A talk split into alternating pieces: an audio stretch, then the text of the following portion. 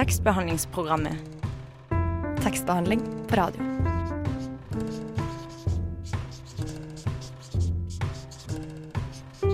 Tekstbehandlingsprogrammet.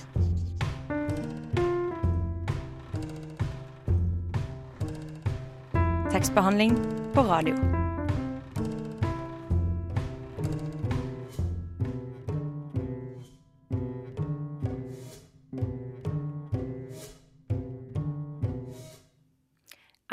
I det hele tatt mulig å være et godt menneske? Du lytter nå til tekstbehandlingsprogrammet på Radio Nova, og det er det vi skal forsøke å finne ut av i dag. I sendinga i dag får vi nemlig besøk av forfatter Birger Emanuelsen.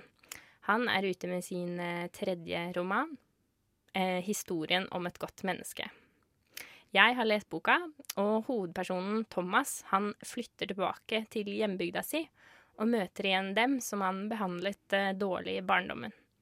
Han har et slags ønske om å gjøre opp for seg, men er han egentlig et godt menneske, og gjør han egentlig de riktige tingene? Hvordan blir man et godt menneske? Jeg er spent på hva Birger Emanuelsen, forfatteren av 'Historien om et godt menneske', har å si til det. I tillegg så har vår reporter Marie Vallestad vært på Embla-festivalen, en feministisk litteraturfestival som fant sted på Verkstedet i forrige uke. Så med andre ord, det er ingen grunn til å bytte kanal.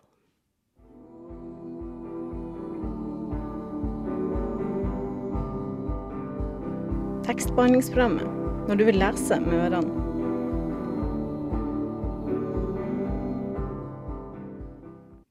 Ja, du hører altså på tekstbehandlingsprogrammet her på Radio Nova. Bare for å si det enda en gang, hvis noen ikke hadde klart å få det med seg.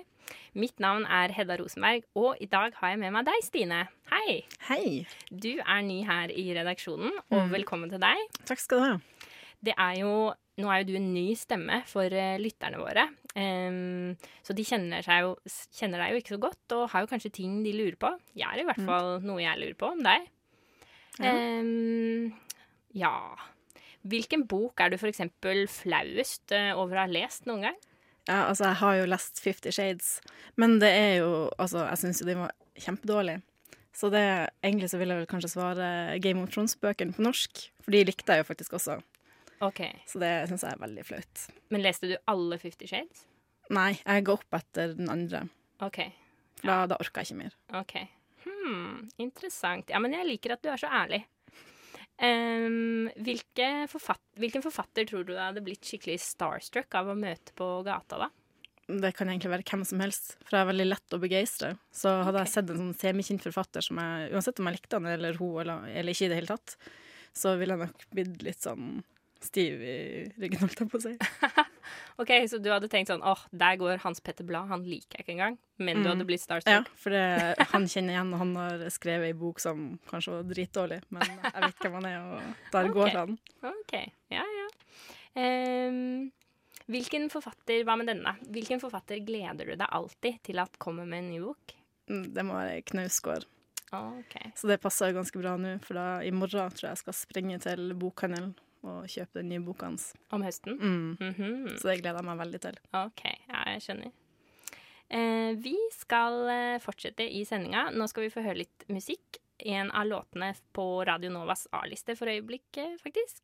Dette er Odd Loves To Dance med sangen Out of Minds.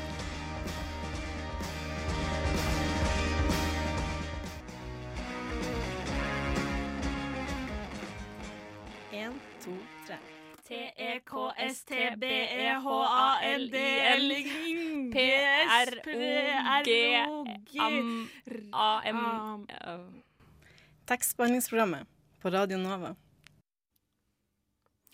Ofte drømte jeg at jeg hadde drept noen. At et sted i min historie lå en hemmelighet så grusom at den lå alt annet, alt som kom etter, i skygge. Men jeg hadde ikke drept noen. Jeg hadde ikke det. Jeg hadde ærlig talt ikke tenkt på Oda på mange år. I snart 20 år hadde livet mitt handla om hvem jeg klarte å bli. Jeg hadde greid å riste av meg den jeg var da jeg vokste opp. Det var derfor sjelden jeg tillot meg å tenke over hvor betydningsfull den tida hadde vært. Barndommen tilhører kanskje ikke den voksne, for den er så langt borte, så utenfor vår kontroll at den er sitt eget liv, sin egen person. Ungdomstida derimot, De åra hvor personligheten setter seg, i alle forsøk, alle feil. Den har vi kanskje et ansvar for. De tinga vi gjorde da, de pinlige, menneskelige tinga. Volden vi brukte, mobbinga vi utsatte andre for. Var det på grunn av minner som dette at jeg hadde nekta meg tanken på å flytte hit? Jeg stilte meg helt inntil ruta, pusta på den og så hvordan det grå laget av dugg la seg over vinduet. Speilbildet mitt omslutta den lille, blinde flekken. En gang flykta vi herfra for å bli gode mennesker. Jeg dro håndbaken over duggflekken og så hvordan lysene fra nabohusene flamma opp i de små vanndråpene. En gang flykta jeg. Likevel fantes disse hendelsene, og ikke bare i hjertet mitt. De levde sine liv her fremdeles, rett utafor dette vinduet. Du hører på tekstbehandlingsprogrammet her på Radio Nova, og med oss i studio har vi nå fått eh, Birger Emanuelsen, og han leste fra sin nyeste roman 'Historien om et godt menneske'. Hei og velkommen til deg, Birger. Hei. Jeg tenkte vi skulle begynne med å snakke litt om hovedpersonen i boka di, Thomas. Det var jo fra hans perspektiv du leste nå. Han flytter jo hjem igjen til byen han kommer fra. Hvordan er, det, hvordan er egentlig den eh, flyttingen for han? Hvordan opplever han det?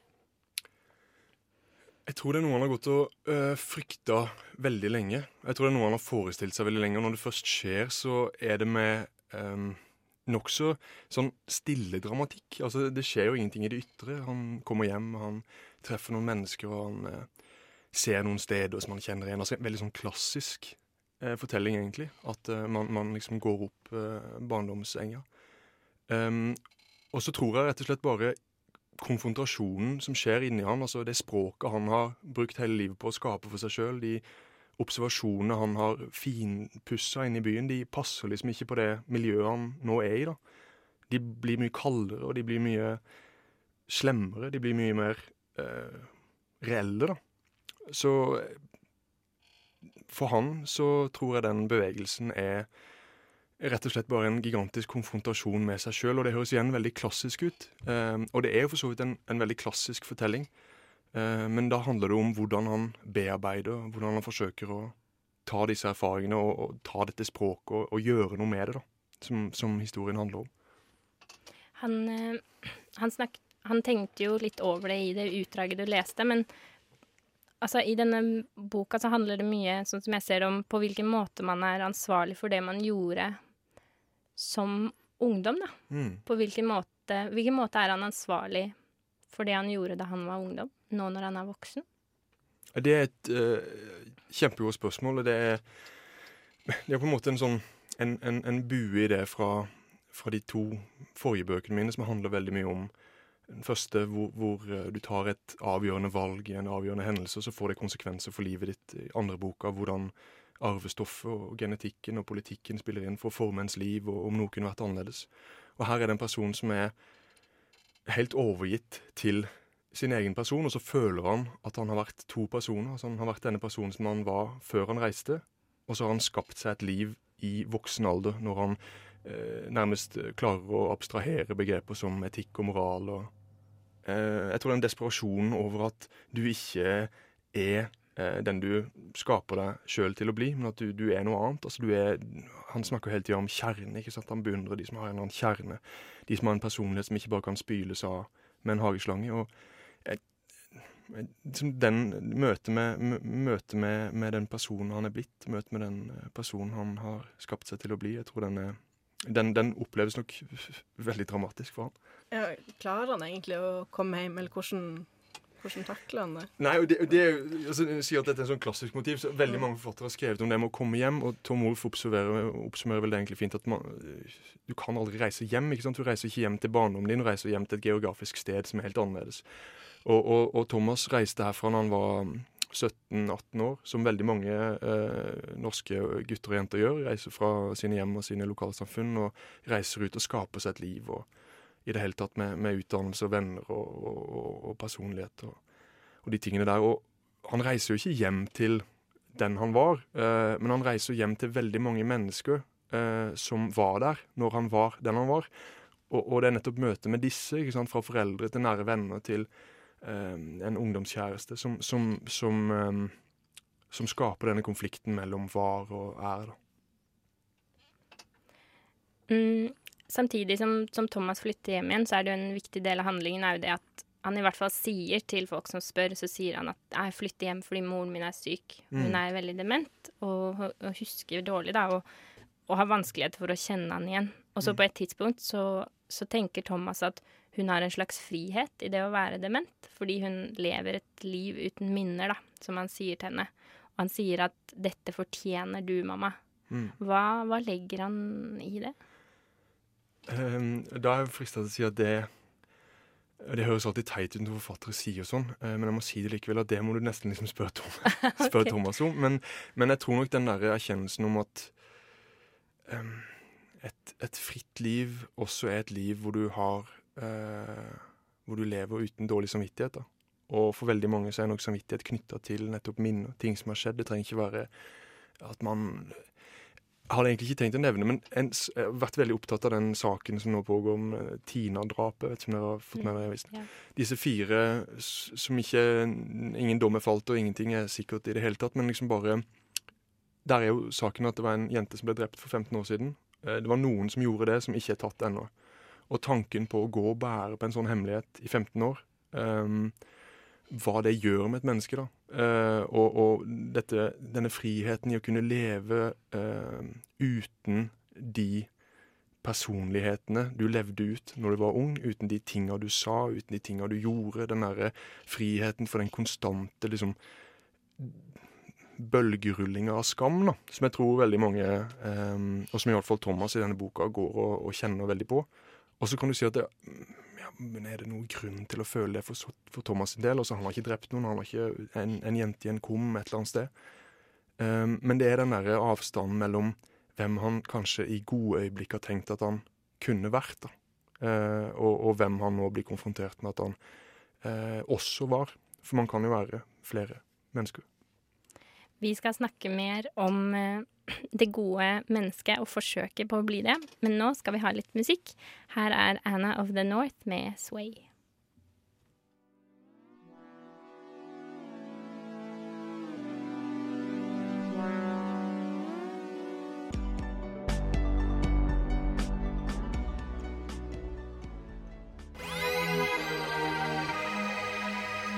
Radio Nova. FM 99,3.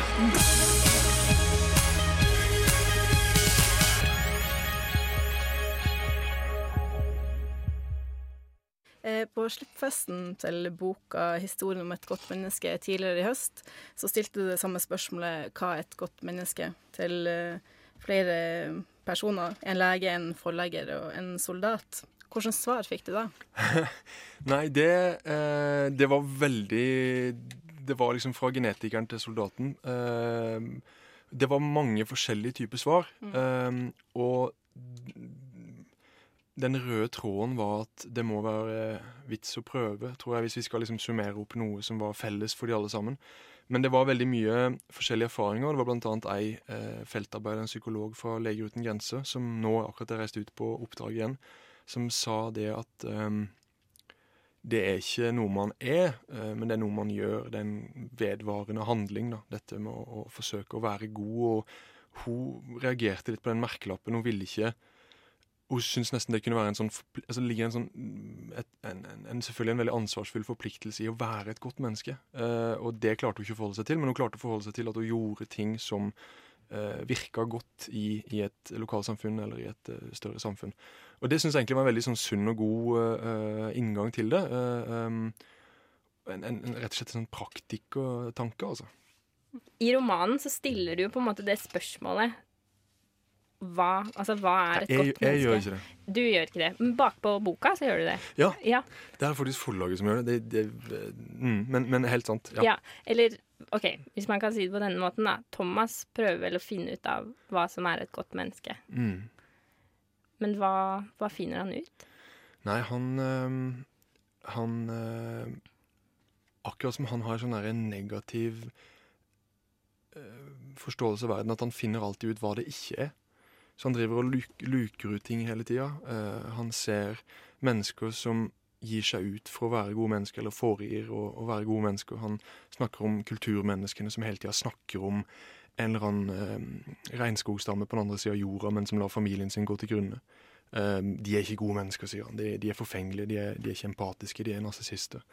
Han eh, ser på presten som, som forsøker å, å, dekke over eh, tapet av eh, Thomas sin mor, da, med, med, gode ord, med trøstende ord. Og han sier at presten liksom utsier disse ordene med en sånn tilfredshet. altså Han er glad over sin egen godhet. Um, og der er jo, Det er jo et sånt filosofisk poeng hos, hos, hos, Kant at den personen som gjør det rette fordi han vil det rette, han er jo ikke god, for han gjør jo bare det han vil. Uh, så det ligger jo ikke noe plikt i det. Uh, det gode mennesket uh, reiser seg i plikten, altså i å velge bort det vonde til fordel for det gode. Og kjenne liksom lysten til Det er jo klassisk bibelsk. Man kjenner lysten til det onde i sitt hjerte, og så velger man det bort. Og så gjør man heller noe som som kan virke godt, og som har en, en, en god konsekvens der ute i verden. Um, og det må jo kanskje være noe av det nærmeste han Thomas kommer en sånn erkjennelse av hva godhet er. fordi at Nå er mulig jeg snakker altfor lenge på det spørsmålet, her, men jeg syns det er åpenbart litt interessant. og, og, det er mange Jeg har snakka med mye terapeuter og folk som har gått i terapi. og eh, jeg har vært forskåna for det eh, sjøl, men der har jeg den det som er som felles som jeg har, har plukka opp, er at det er veldig mange som er redd for at det de tenker, eh, skal materialisere seg i en, i en, i en sosial virkelighet. Altså, du, du, drømmer om å Alle som har fått barn, eh, kjenner på denne lysten med at 'herregud, kan ikke bare holde munn?' sånn at Du drømmer nesten om å, om å, om å, om å ta livet av ditt eget barn. ikke sant? For så, du er så desperat i, i, jakten på søvn og jakten på roen og jakten på en eller annen eh, behagelig stund. Og den redselen over å kjenne disse eh, voldelige fornemmelsene eller tilløpene eller sant, dette vi forsøker å gjemme bort i hjernen vår, redselen for at det faktisk kan materialisere seg i det sosiale, er veldig det er en veldig viktig årsak til angst da, for veldig mange i vår generasjon. Og Det har alltid slått meg som en sånn utrolig pussig ting. For selvfølgelig er de i verden helt forskjellige. Altså Selvfølgelig er hjernen vår øh, gjenstand for øh, Altså, den, den, den, den, er et resultat av millioner av år med overlevelse. Selvfølgelig finnes disse liksom, forfedrenes glefs. De finnes jo i oss, det tror jeg også står i boka. Uh, men den um, den redselen der uh, er Thomas inne og, og, og Ja. Den, der er han inne og baler, da. Den, der ligger mye av nerven, syns jeg, i, i romanen. Mm. Det skal man jo ikke si. Det skal man jo ikke si at jeg syns nerven ligger der, men jeg sa det likevel. Men, ja, ja. Ja, ja, mm, men hvis vi går tilbake til dette du snakket om tidligere, da, dette med kjernen. At mm. Thomas mm. tenker på de gode menneskene. De er dem som har en kjerne. Mm. Ja, og Der vet jeg ikke om han tenker på god, men det, det, det, er, bare, det er, bare, er det noe han misunner. Altså Han misunner de som um, uh, Som stoler på sine egne vurderinger. Uh, og det høres jo veldig rart ut, fordi at jeg kan sitte i det rommet her nå, og så kan dere si et eller annet. Stille et spørsmål, ikke sant? og så ser det ut som om dere syns det var et godt spørsmål. Og det har vært veldig gode spørsmål, og det har, dere, har god, dere har god grunn til å mene det. Men jeg ser jo ikke den liksom, kampen som foregår på innsida av dere, og liksom, den tvilen og selvrefleksjon og selvbebreidelsen og hele det der spillet der. ikke sant? Og, og så, sånn er vi jo hele tida. Og det derre behovet om å finne noens kjerne eh, tror jeg alltid kommer eh, utenfra. For det er lett å se en kjerne i et menneske som du betrakter over tid. Det er derfor han snakker om sin mor, han snakker om sin kone. altså Han misunner den kjernen som de har. Um, og det kan godt være at hvis det var Hedda eh, som fortalte den historien, altså kona hans, eller hvis det var mora som fortalte den historien hans, så ville den kjernen framtredd i Thomas. Altså Da ville de misunt et eller annet ved han. Eh, og det er kanskje det som har vært den store drivkraften om å skrive fram den stemmen, som er den ene hovedpersonen, denne Thomas-karakteren, er at han er, syns jeg, da, et eh, um, um, Dette skal man heller ikke si. Men, uh, si det. Si det. Ja, jeg, jeg, jeg, jeg, syns, jeg syns at jeg, har forsøkt å nærme meg en, en realistisk psykologisk eh, forståelse av han, og av den tvilen og for å kunne gjøre det, så måtte jeg skrive fram noe som jeg veldig sjelden leser, syns jeg, og det er alle de um, ubehagelige tingene. Altså ikke ubehagelige ting som at man uh, sier noe som er, er ufint, men, men, men, men uh, den, den, den understrømmen av eh, vold og, og desperasjon som finnes i Thomas, og som gjør at han derfor kan virke usammenhengende og, og uten, eh, uten kjerne. Den hadde jeg lyst til å, å skrive fram og, og nærme meg, da. Videre i intervjuet med Birger Manuelsen så skal vi snakke litt mer om selvframstilling. Men eh, først så skal vi høre litt eh, mer god musikk. Her er Østfrost med Wooden Floors.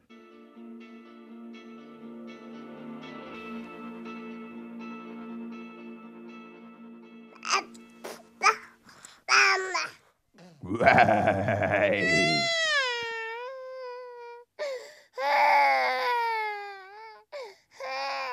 Nova kommer og tar deg. Sangen du hørte der, var altså Østfrost med Wooden Floors. Og her i tekstbehandlingsprogrammet i dag så har vi fortsatt besøk av Birger Emanuelsen, forfatteren av boka 'Historien om et godt menneske'. Og nå, før dette stikket, så lovte jeg at vi skulle snakke litt om selvframstilling. Og jeg tenker da særlig i sosiale medier, som er ganske relevant for boka di. Eh, på et tidspunkt så reflekterer hovedpersonen Thomas litt over at han sier at eh, vi har et eh, klassesamfunn i Norge, og han mener at han kan se klasseskillene, blant annet i sosiale medier. Hvordan, hvordan kan man se de skillene på f.eks. Facebook-profilene til folk? Um, nei, det var bare en tanke om at hvis to Det er noe som heter de små forskjellers narsissisme. At man ser veldig godt forskjeller mellom folk eh, som er veldig like. da. Og det er jo tanken om at folk som jobber på samme sted eh, dyr, altså på, i akademia, de dyrker liksom de små forskjellene osv. Og, så videre, og det blir en veldig viktig del av deres personlighet.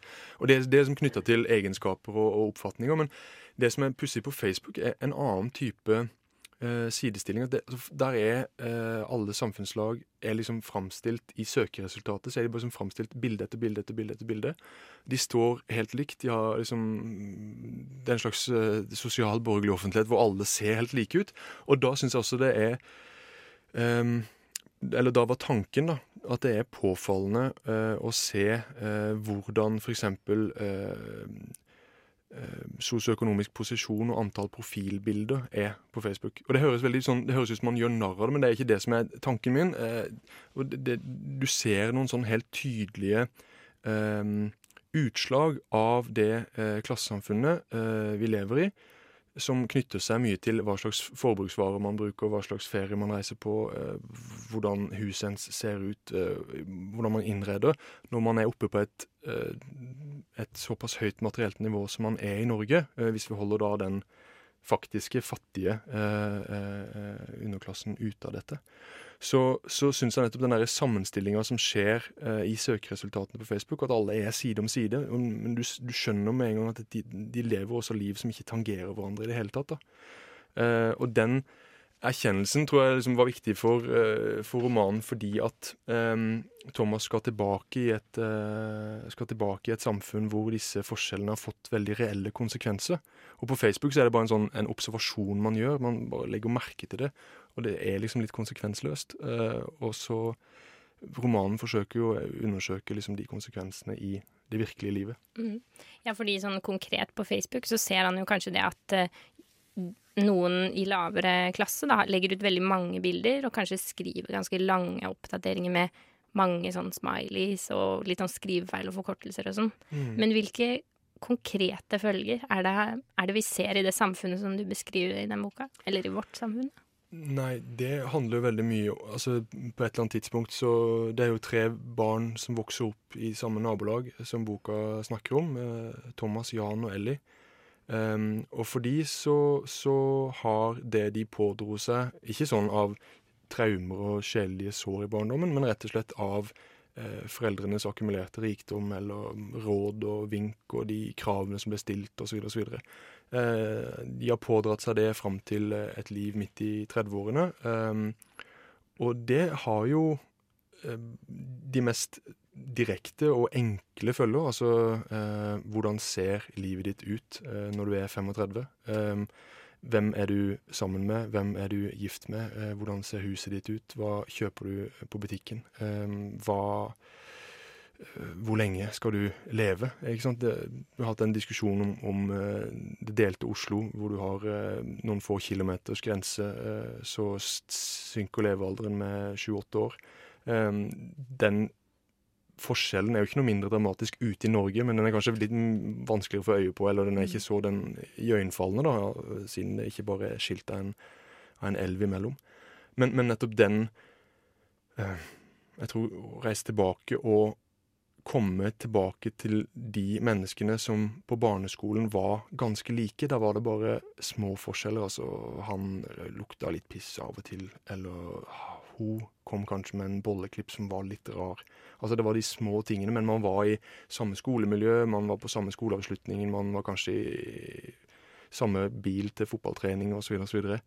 Um, hvor store de forskjellene får lov å bli når de banene bare fortsetter uh, ut i livet, da. Mm.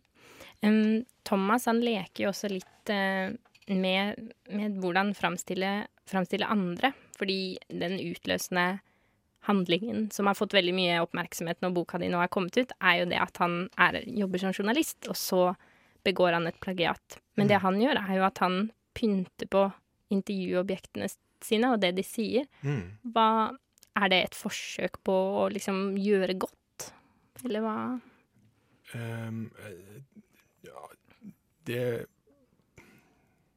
Jeg tror for Thomas sin del så er ikke verden god nok. Den lever ikke helt opp til forventningene. Den lever ikke helt opp til sånn som han skulle ønske den var.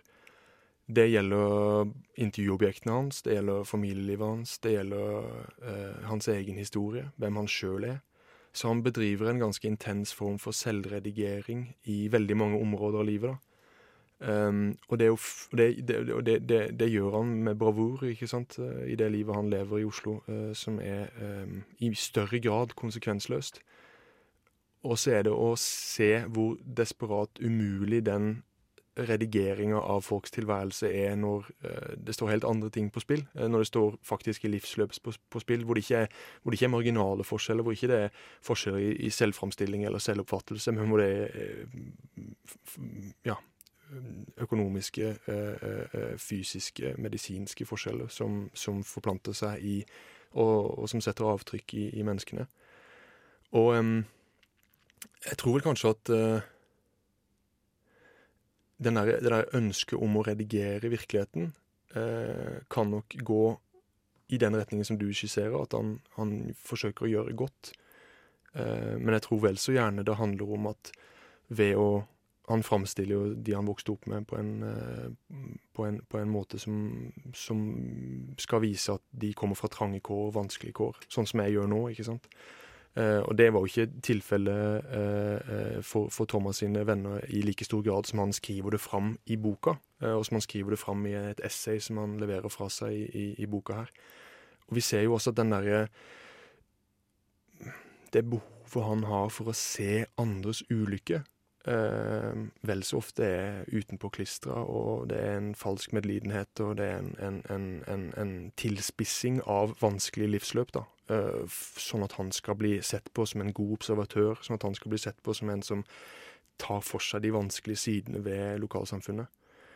Um, og jeg tror bare genuint sett at den derre selvframstillingen man driver med, som er et diskutert og gjennomlyst tema, men at den foregår på Facebook er jo helt naturlig fordi at vi driver den eh, hver eneste dag, eh, og vi, vi, vi gjør det hele tida når vi møter mennesker. Og jeg tror nok det er så Det er en så trist måte å leve livet sitt på. Eh, og jeg tror det er det som er Thomas sin store, store eh, som, som, som, som er kimen til Thomas sitt store, store fall. Det er liksom bare den innsikten over at eh, Hvem er det jeg redigerer for? Hvem er det som skal lese dette? Det er jo meg sjøl som, som skal lese dette, tenker Thomas. Og, og, og det er en sånn innsikt som alle barn har hørt fra sine mødre og fedre når de var små, og det er at du lurer bare deg sjøl. Ja, du kan godt si at du ikke har gjort men du lurer bare deg sjøl. Og det er en av de der eh, tyngdelovene i livet da, som treffer eh, når en blir eldre. Når en forstår liksom ikke ordlyden og ikke setningsklangen, men en forstår liksom eh, eh, tyngden i, i, i den innsikten.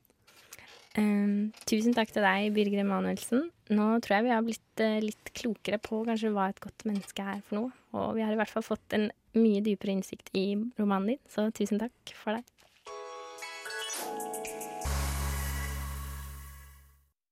Men den stille plassen hvor ingen fikk lov til å lage lyd, den forsvant på 80-tallet. Og Hvis du drar til Kristiansand bibliotek nå, Deichman, så vil du fortsatt finne den stille plassen din. Men den vil være isolert, og der vil det være stilt. Og så vil det være andre områder hvor du kan bråke og snakke og treffe folk og oppføre deg som vanlige mennesker. Sånn som her. Sånn som her. Gjør som Nasjonalbibliotekaren. Bli med og bråke på Deichman. Livesending med tekstbehandlingsprogrammet siste onsdag i måneden fra klokka ti. Ja, det stemmer. I neste ukes sending er vi på Deichmanske hovedbibliotek i skjønnlitteraturavdelingen. Da blir det temasending om forfattere i eksil og på flukt. I tillegg så serverer vi kjeks og kaffe, og vi ønsker oss publikummere. Så ta turen klokken ti neste onsdag. Men nå. Vår reporter Marie Vallestad var forrige uke på Embla-festivalen og intervjuet tegneserieskaper, blogger, forfatter og feminist Jenny Jordal. Vi skal få høre et lite klipp her. Velkommen hit i dag eh, til Embla-festivalen nummer to. Eh, jeg kan gjerne høre litt lyd for det. Eh, først ut i dag så har vi Jenny Jordal, som eh, er eh, for mange er hun kjent som en blogger, lager tegneserier, du er grafisk designer, du har mange ild i hjernen.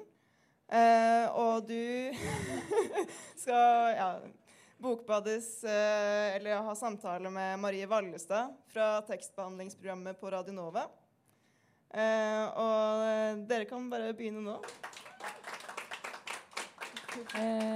Du er vel Du er jo grafisk designer, egentlig. Men du er kanskje mer kjent for livet blant dyrene, som er en tegneserie. Det stemmer. Det er Ja. en tegneserieblogg. En tegneserieblogg. Ja. Ja. Mm. Og eh, en gang så Eller du ble på en måte veldig kjent en gang. Eh, da du lagde den sommerkroppen. Ja. Ja, En gang ble jeg veldig kjent. Ja. Eller jeg fikk inntrykk av at det var liksom en milepæl. Ja, det var, var det det? det. Ja. Ja. ja, det var det.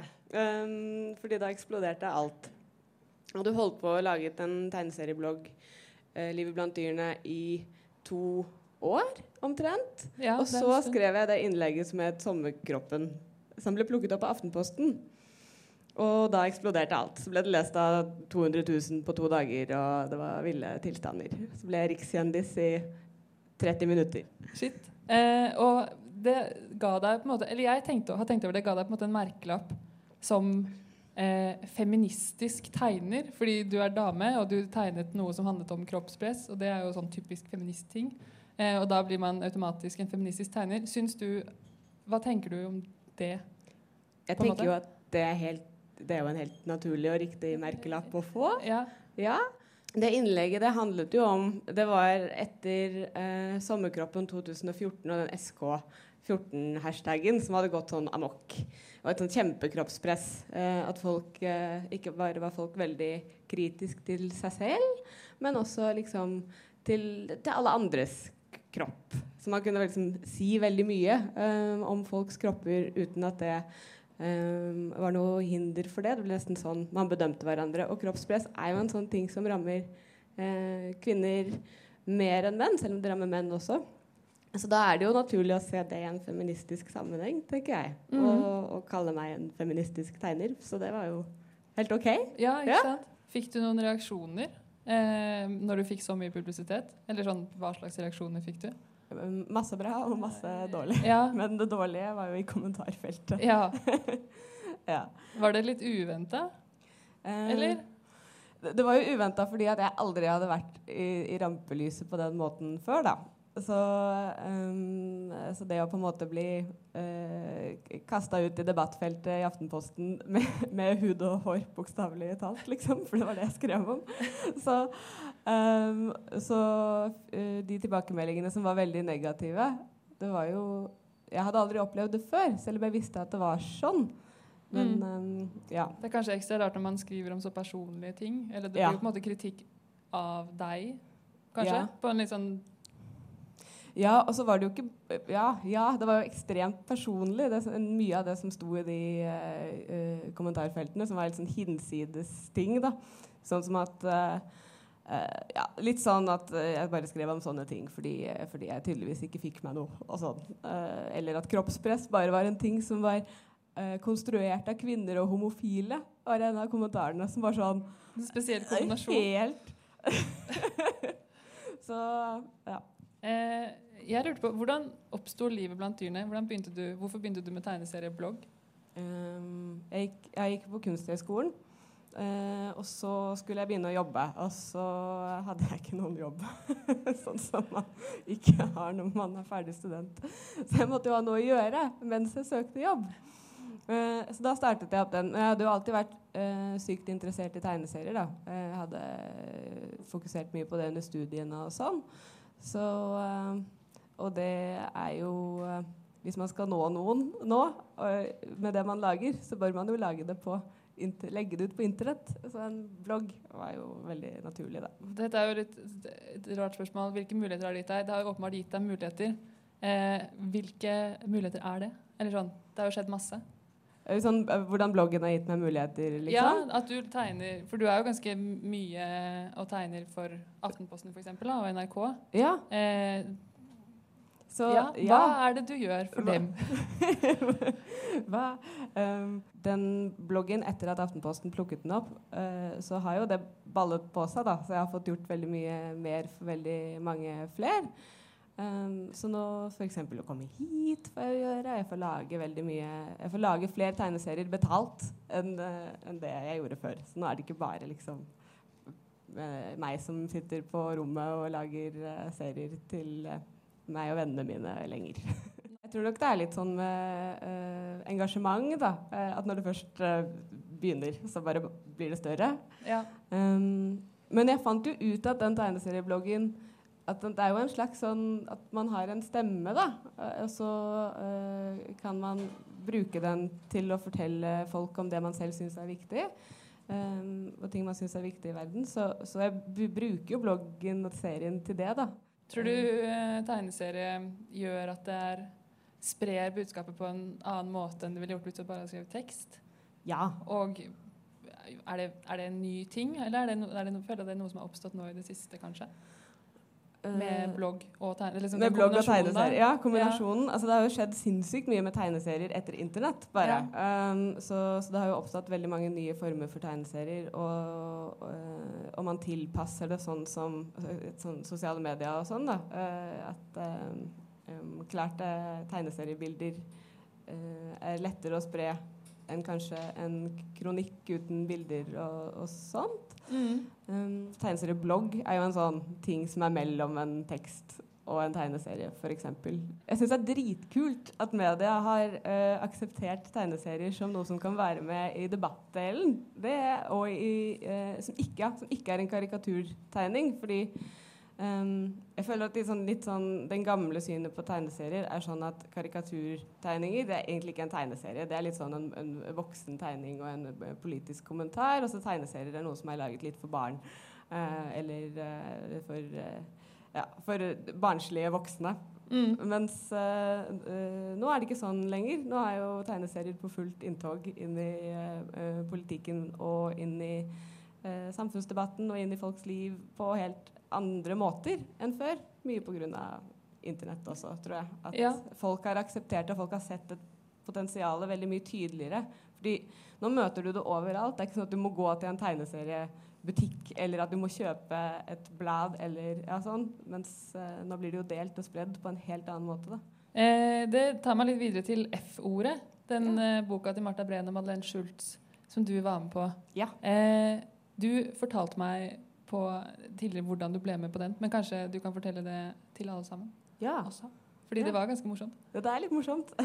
Dette er jo en sakprosabok um, uh, om uh, feminisme. En slags håndbok i feminisme rettet mot yngre. Som de skulle gi ut på et manifest. Og så Um, så ville de ha den illustrert, egentlig. Så de ville se hva som rørte seg. Og de ville, de ville veldig gjerne De hadde sett mot Sverige og sett at der var det et ganske yrende svensk eh, feministisk tegneseriemiljø. Og de ville sjekke om det var noe sånn i Norge òg. Så de utlyste en konkurranse. Og så eh, skulle de egentlig ha mange. Men så hadde jeg dekka liksom alle de temaene som de skrev om i boka, allerede i bloggen. Så da var det vel en naturlig match da, at jeg fikk være med. Så det er Ja. veldig kult. Sånn som det funka veldig bra også. Ja. Eh, hvordan mottakelsen av boka var du forberedt? Den ble jo veldig stor. Og Marta Breen er jo, hun er jo allerede veldig kjent. Ja. Eh, fikk masse publisitet. Ja, jeg var kjempefan, liksom. Ja, Ja. Hvordan, var, hvordan var det? Og på en måte Eh. Plutselig være med på det? Uh, ja, jeg hadde jo sittet hjemme og laget tegneserier uh, bak en skjerm. Og så, skulle, så ble jeg liksom kastet ut i ver i verden og hadde, skulle være med å gi ut bok. Som, ble, som fikk en kjempemottagelse.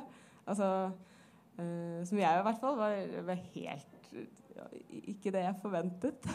så jeg fikk være på TV og på radio. Uh, ble intervjuet og var på bokbad med tjokkfullt lokale, liksom. Så eh, det var skikkelig, skikkelig kult. Mm. Viste at uh, det vi skrev om og saken og alt, um, er viktig. Ja. Mm. Eh, du, nå nevnte du tegneseriemiljøet i Sverige. Mm. Eh, det er jo veldig stort. Veldig, det feministiske tegneseriemiljøet. Har vi det i Norge i det hele tatt? Eh, nei. Nei. altså, det er veldig mange ehm, eh, norske kvinnelige tegneserietegnere. Flere enn det har vært noen uh, gang. Men, men det er ikke sånn I Sverige så har de Datterbolaget, som er et slags uh, kollektiv, et fellesskap. Og så er det knyttet opp mot et par forlag og Galago etter dem. Så det er, liksom, det er litt sånn organisert. Mens her sitter vi litt på hver vår øy og, Mm. og tegner hver for oss. Så det er ikke, noe, det er ikke samlet på samme måten. Mm, og det er litt synd, syns jeg. Ja. Burde kanskje organisert seg litt òg, da. Jeg tror de i Sverige virker som de har gjort det selv. At de på en måte har gått sammen, og så har de Ja. Sørget jo- for at det har skjedd. da. Eller ja, altså, men det er jo litt mer naturlig at det skjer i Sverige enn her, da, der hvor de har på en måte holdt på med den øh, feministiske kampen i tiår. Øh, Ja, mens sant. her er det fortsatt ganske nytt, så vi henger liksom litt etter. Så det virker ikke så øh, Folk har ikke den samme som støtten i ryggen. De blir ikke dytta til å gjøre det, da, sånn som der, Nei. tenker jeg. Vi får ta tak i det. Ja. det syns jeg vi skal gjøre. Kult. Takk. Jeg tror vi er ferdig. Er vi ferdig? Ja.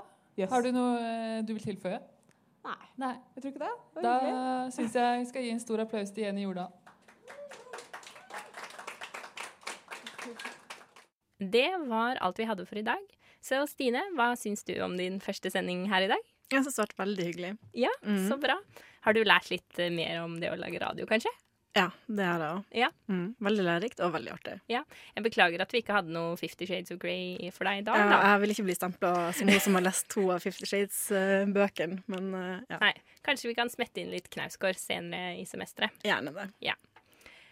Skal vi se. Eh, neste uke er vi altså på Deichman. Eh, I mellomtiden så kan du høre oss på radionova.no, iTunes eller Soundcloud. Bak spakene i dag var Ida Brenna og Oda Archer. Vi takker for i dag og sier ha det med en siste sang fra Radio Novas glimrende A-liste, nemlig Emilie The Duke med 'Going to the Movies'.